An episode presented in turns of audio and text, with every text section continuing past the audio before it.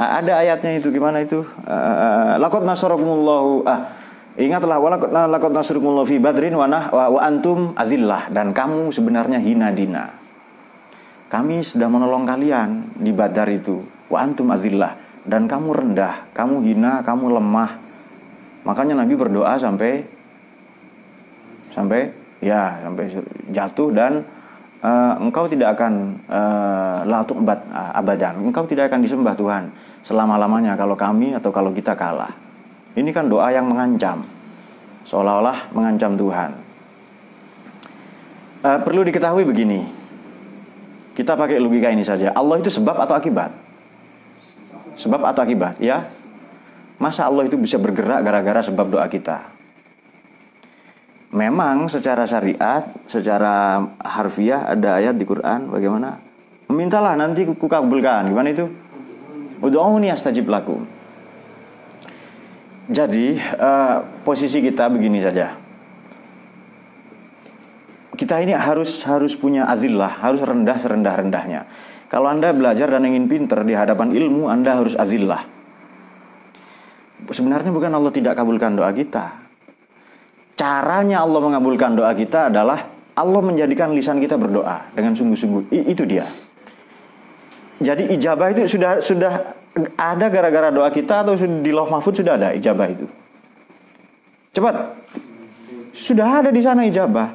Caranya lisan kita dijadikan berdoa.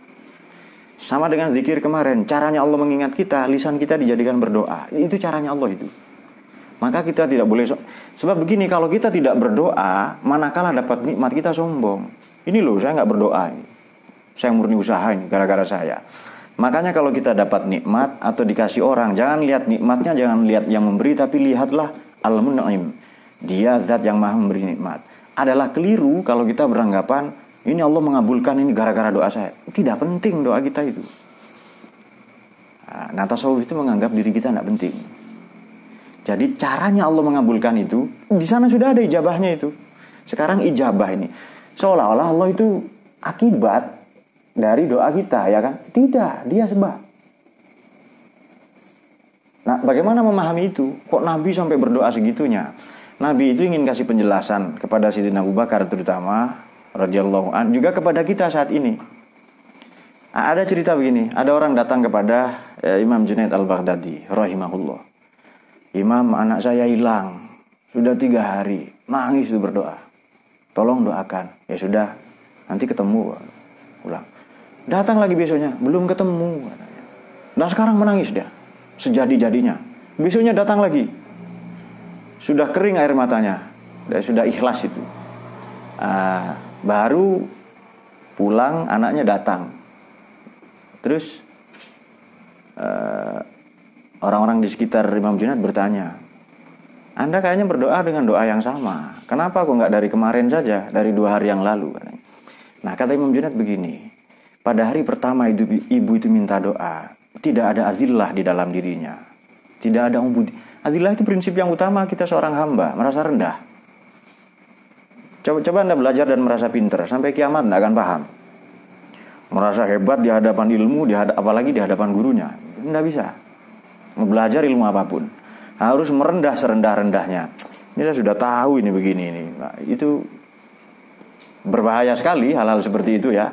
Apalagi di hadapan ilmu, di hadapan yang ngarang kitab ini itu berbahaya. Apalagi di hadapan Allah itu. Nah, kita harus punya azillah tadi. Kata Imam Junaid, di hari pertama azillahnya kurang. Di hari kedua meningkat, puncaknya di hari ketiga. Jadi begini, Udu'uni astajib lakum itu agar kita sungguh-sungguh merasa hina dina, rendah. Nah, itu namanya kondisi di mana kita sangat butuh tak berdaya, kondisi itiror seperti itu kalau dasar di, di, di itu ada atau di hikam itu. Itiror seperti itu ya, kondisi kita sangat butuh, sangat perlu, sangat rendah, sangat hina dina. Itu berarti kita siap menerima nikmatnya Allah itu, anugerahnya.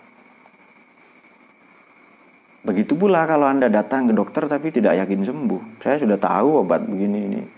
Paling dokternya juga nipu Anda akan sembuh.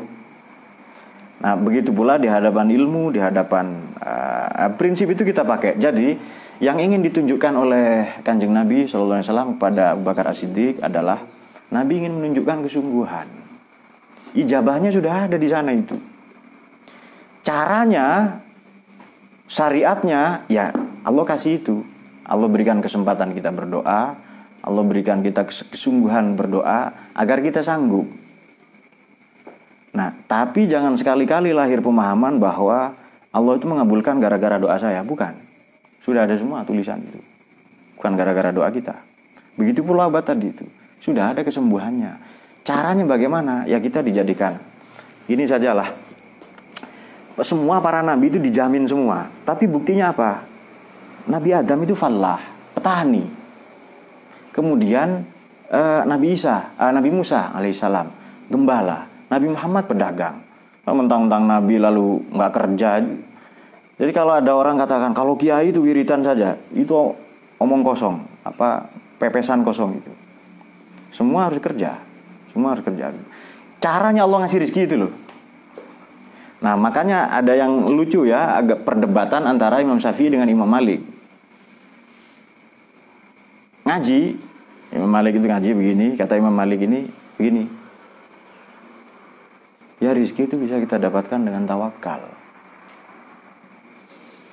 Imam Syafi'i tidak setuju. Saya, saya tidak percaya. Menurut saya Imam Syafi'i muda ya. Menurut saya karena usaha. Tapi tetap tetap saja ikuti itu. Ngaji sudah selesai pulang mau pulang ke kamarnya ke pondoknya itu di tengah jalan ada orang tua mikul kurma saya saya bantu pak. Kayak bacok kayak malik lah dua-duanya mirip. Juga falah kadang apa divan itu ya. Saya bantu pak dibantu ya. Bantu sampai ke rumahnya karena jauh juga kasihan. Maka mengambil bungkusan dari kain ah ini upahnya karena kamu. Enggak pak saya nggak minta itu. Enggak nggak apa-apa. Bawa saja. Santri kan ya? Iya pantesan kurus katanya itu.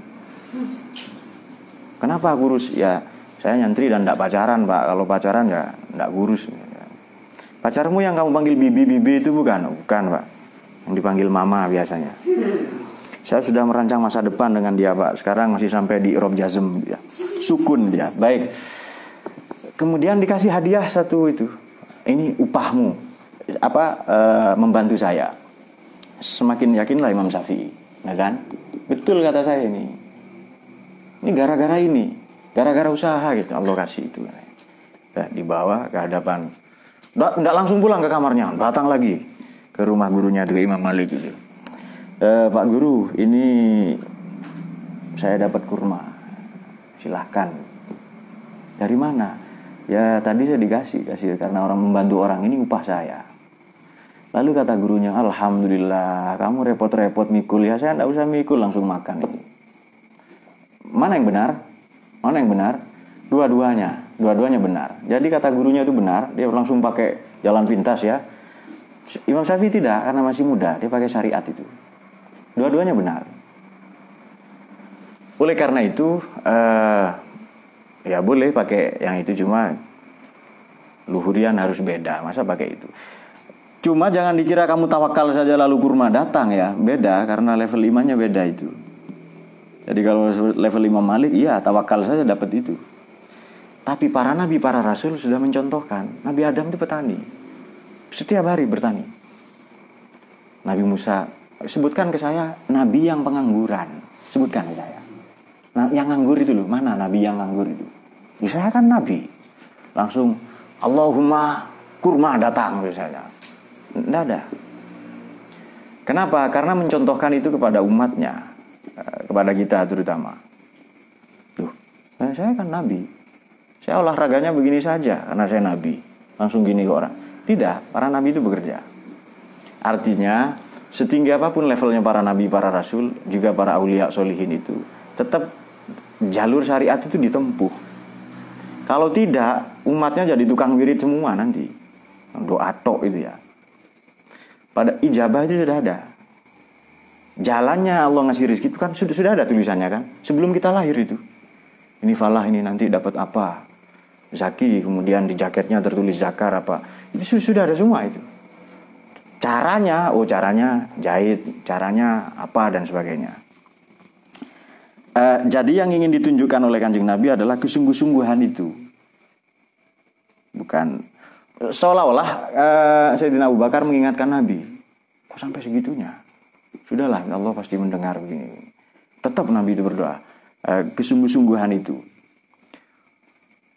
Baru nanti setelah selesai perang ini pun yang tidak seimbang sekalipun, malah Nabi tetap mengingatkan kita semua, roja'na min jihadil asgor. Itu perang remeh sekali. Perang yang sungguh-sungguh perang adalah uh, mengalahkan diri sendiri.